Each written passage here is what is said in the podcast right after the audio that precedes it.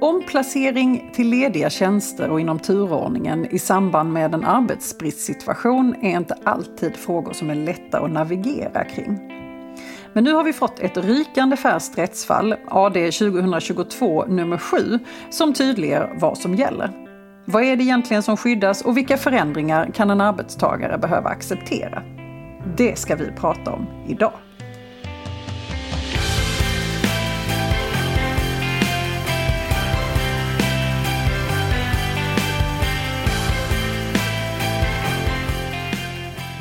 Hej och välkommen till Arbetsrättspodden. Podden för dig som verkar inom HR eller hanterar personalfrågor i din vardag. I den här podden vill vi bjuda på nya infallsvinklar och dela med oss av vår kunskap för dig som arbetar inom HR-området. Jag heter Emelie Svensäter Järntopp och arbetar som advokat inom arbetsrätt här på Vinge. Och med mig idag har jag min kollega Sara Strandberg som också arbetar inom arbetsrätt på vårt Stockholmskontor. Hej Sara! Hej! Vi ska ju prata om omplacering idag och det är ju frågor som vi ganska ofta brottas med och som vi får rätt mycket frågor från våra klienter om. Verkligen, verkligen. Jag tänker att vi kan väl börja eh, lite att redogöra för vad omplacering egentligen är för någonting. Vad menar vi när vi, när vi pratar om omplacering? Det vi menar då är ju när man i praktiken ger den anställde en ny roll inom eh, företaget där man är anställd. Och i vilka situationer skulle det kunna vara aktuellt? Kan man göra det när som helst? Kan kan man ju och då gör man ju oftast det genom att man är överens om det. Om vi ska prata om när man måste göra det så är det ju i situationer eh, där man gör omorganisationer eller den typen av, av eh, situationer och det vi brukar kalla för arbetsbrist, arbetsbristsituationer helt enkelt. Okej, okay. så då har man egentligen en situation där man till exempel kommer plocka bort en position och vi har en arbetstagare som berörs eh, av att man tar bort den här positionen och Därefter så behöver man se ifall det finns annat ledigt arbete eller arbete enligt turordningen.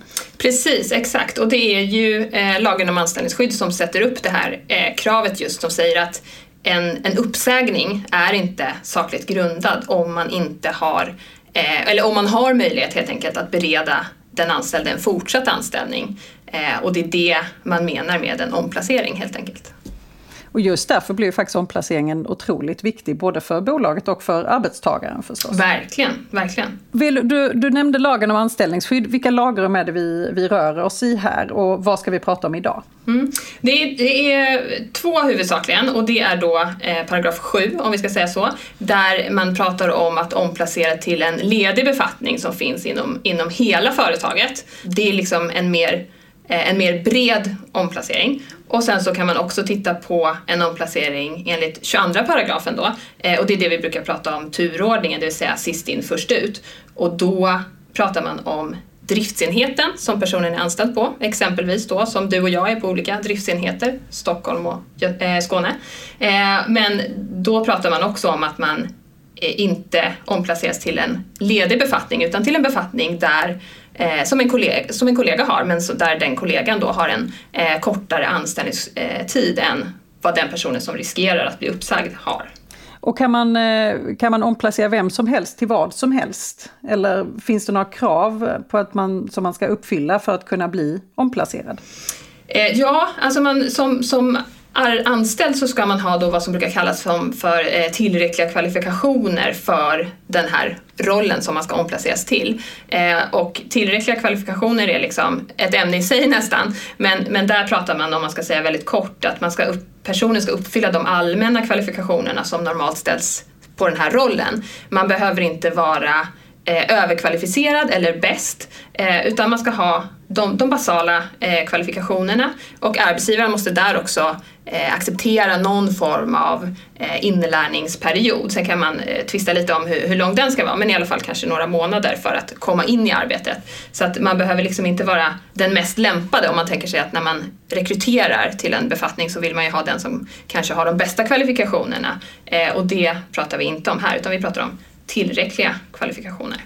Som, precis som du säger, tillräckliga kvalifikationer, det tycker jag vi kan prata om eh, i mycket, mycket, mycket länge vid ett annat tillfälle. Precis. Men nu, nu ska vi egentligen fokusera på ett nytt rättsfall som, som kom nu i början av det här året.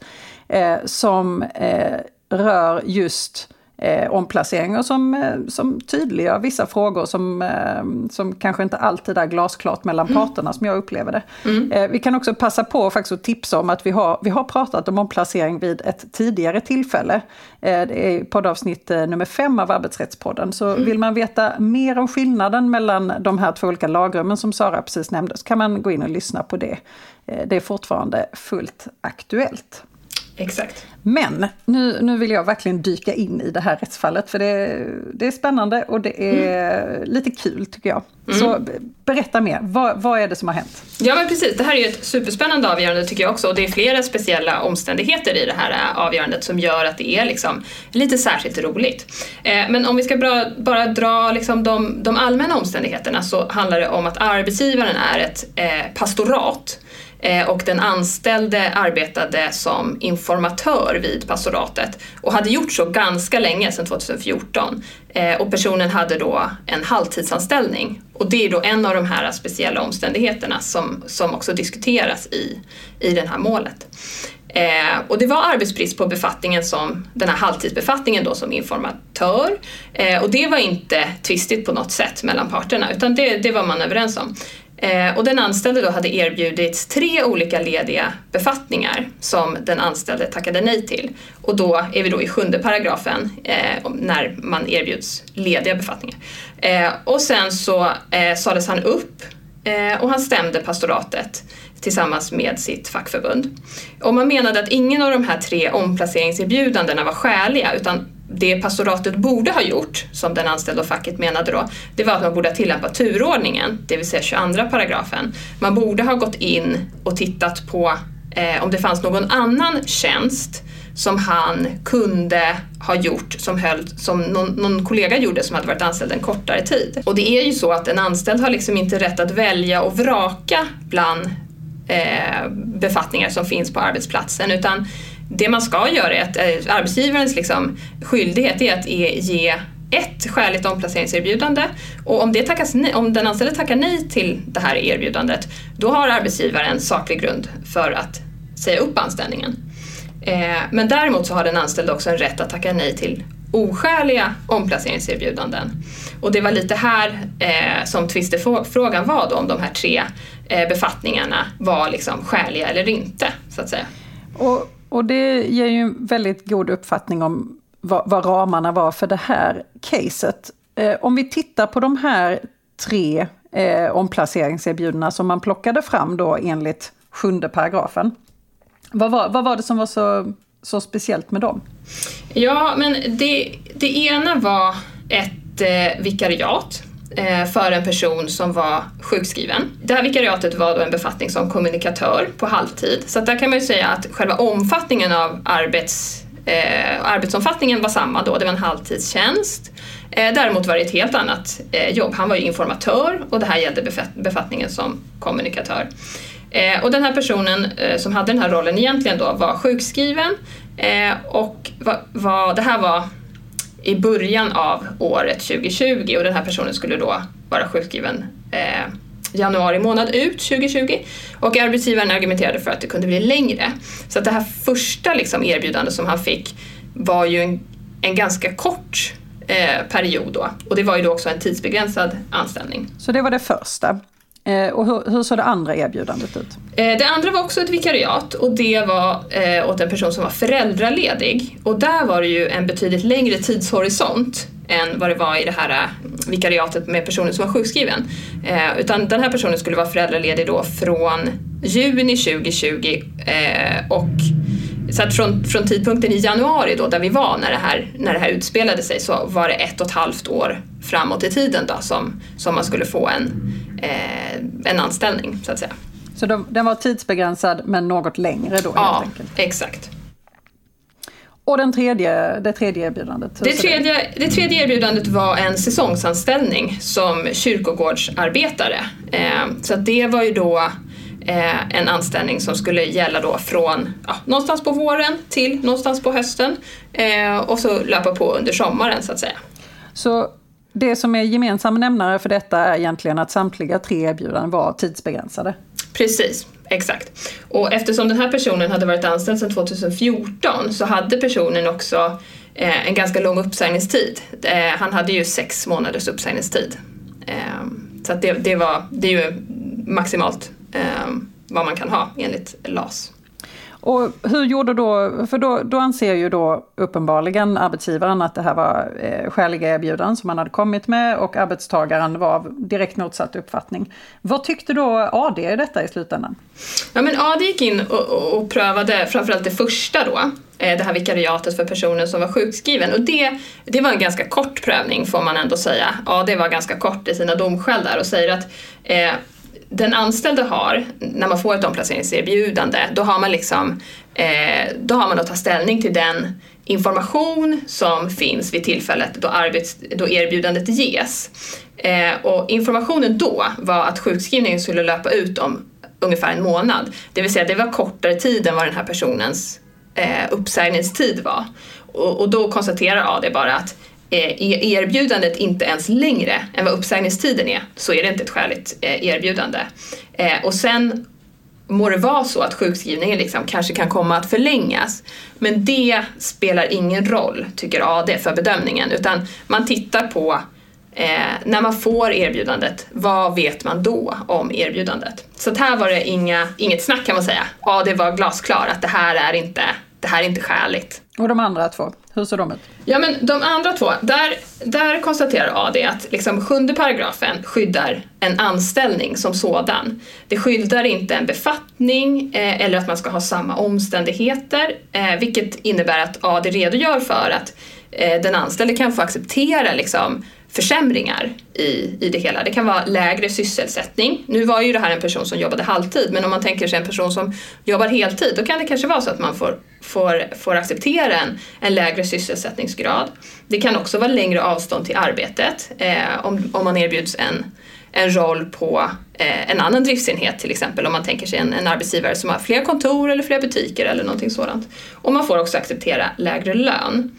Eh, och då säger AD att det kan också vara så att man behöver acceptera en visstidsanställning om det är så att det är det som finns att, att tillgå. Liksom. Det är det som finns. Eh, och då eh, säger AD att den fråga som man måste ställa sig det är liksom att om man har en tillsvidareanställd arbetstagare som drabbas av en arbetsbrist, ska den behöva acceptera en omplacering till en ledig kort tidsbegränsad anställning när det om man tittar då inom den tänkta turordningskretsen, det vill säga 22 paragrafen, finns arbetstagare med kortare anställningstid som har en tillsvidareanställning som den här personen har tillräckliga kvalifikationer för. Eh, och då kan man säga att ja, det går liksom tillbaka till, till syftet med lagen om anställningsskydd kan man nästan säga. Och det är ju att så här, vad är vår huvudanställningsform? Jo men det är en tillsvidareanställning. Det är liksom huvudprincipen och tills, eh, visstidsanställningar är, eller tidsbegränsade anställningar, de är liksom undantagen och de får man ju heller inte tillämpa eh, hur som helst eller för hur lång tid som helst och så vidare. De är ju liksom reglerade och det är meningen att, att, det, att, att egentligen alla så att säga ska ha en tillsvidareanställning. Eh, och där säger man också då att eh, eller AD konstaterar att en, en tillsvidareanställning är, eller en tidsbegränsad anställning, det är typiskt sett en, en mycket mer osäker anställning. Och det är det som ligger bakom hela liksom, resonemanget så att säga. Så i det här fallet så trots att man då faktiskt hade lyckats eh, hitta tre lediga tjänster som var, den här personen hade tillräckliga kvalifikationer för, så ansågs de i det här scenariot inte tillräckligt skäliga för att man inte skulle behöva gå in och titta i turordningen. Exakt, exakt. Så att det var det eh, Arbetsdomstolen gjorde då. Då gick man in i turordningen eh, och, och eh, tittade. Och då fanns det en eh, roll som också som halvtid informatör eh, och halvtid IT-ansvarig. Eh, och det var då en heltidstjänst om man jämför med den här personen som då hade en halvtidstjänst. Och den personen hade varit anställd då kortare än den här personen som blev uppsagd. Eh, och då gjorde man liksom en, en, en sedvanlig där, eh, testade mot, mot eh, de tillräckliga kvalifikationerna som man hade på den rollen. Och där går AD ganska detaljerat in och det, som sagt ett eget poddavsnitt. Eh, men där går man in väldigt noggrant och, och, testar den här personens kvalifikationer mot den här rollen eh, som kollegan hade helt enkelt. Så vad blev slutresultatet i detta egentligen? Slut, slutresultatet blev att eh, eh, man ansåg att han hade tillräckliga kvalifikationer eh, för den här rollen. Eller om man vänder på det, arbetsgivaren kunde inte bevisa att han inte hade tillräckliga kvalifikationer. Så att, så att då eh, kommer AD fram till att eftersom man kunde turordna då enligt 22 paragrafen eh, till den här rollen eh, så eh, var de här två andra tidsbegränsade anställningarna inte skäliga. Det vill säga det här föräldraledighetsvikariatet som i och för sig var ganska långt och säsongsanställningen. Och man kan väl säga att det här är ju eh, det är ju inte nyheter det här, men det klargör ganska mycket i hur man behöver resonera när man eh, som arbetsgivare sitter och funderar över vilka erbjudanden man både kan och bör lämna. För ofta så eh, är man ganska noga med att hålla isär det här med sjunde och 22 paragrafen. För sjunde paragrafen där man, där man tittar på de lediga befattningarna, eh, det i sig är ju någonting som gör att man inte då behöver gå in och och rucka på andra personers eh, anställningar. Eh, så ifall man kan lösa det på det sättet så är det oftast väldigt bra för, för många. Eh, men i det här fallet så, trots att man kanske har eh, möjligheter där, så kan man inte utgå från att de helt och hållet gör att man, man inte ska titta på turordningen eh, i slutändan. Men det man också var väldigt tydlig med i det här rättsfallet, som jag, som jag fastnade lite på, var ju det här med att man är väldigt tydlig, å andra sidan också att säga att, precis som du var inne på, att eh, arbetstagaren faktiskt måste acceptera vissa försämringar. Att det här med, med omplacering är inte ett det är inte ett befattningsskydd, utan det är ett anställningsskydd. Det är ett skydd för din anställning. Eh, och just det här att det var med att man har tidsbegränsade anställningar som man erbjöd i det här fallet gör ju det ganska tydligt faktiskt. Mm, verkligen. Att, eh, att eh, du tar tillbaka, eh, eller du, du försämrar anställningstryggheten genom att ge en, en, en anställning som vi redan från början vet kommer sluta. Och en omständighet som var lite annorlunda här också, det var ju att den här personen jobbade halvtid. Men den här tjänsten då som var enligt turordningen var ju på heltid. Så det var också en fråga i målet om huruvida den här personen hade liksom eh, förmåga och vilja, som han sa, att ta den här heltidstjänsten. Eh, och det prövade Ja, det också. Inte jättemycket. Man, man konstaterar kort också att han har varit, an, han har varit inskriven som, eh, som arbetssökande på de resterande 50 procenten. Eh, och det fanns ingenting som indikerade att han inte skulle ha viljan att jobba eh, 100 procent. Så att här var det ju en person som som eh, gick från en ja, 50-procentig tjänst men som erbjöds en 100-procentig tjänst så att säga. Det här är som sagt, eh, som ni säkert hör, ett eh, spännande rättsfall som man, man kan sitta och lusläsa ifall man eh, har den läggningen. Som jag vet både du och jag har. Så. Ja men precis, exakt. Och det är ju faktiskt AD-avgörandena är ju, det är nästan som att läsa lite saga. Fast för vuxna kanske. Men, men att de är ju ja, men bra skrivna och eh, faktiskt väldigt, väldigt eh, ändå lätta att ta till sig tycker jag. Så det kan man, kan man eh, verkligen göra. Så ett lästips är alltså AD 2022 nummer 7 eh, som det här rättsfallet heter. Det var allt vad vi hann med för idag. Tusen tack Sara! Tack så jättemycket! Dagens gädda.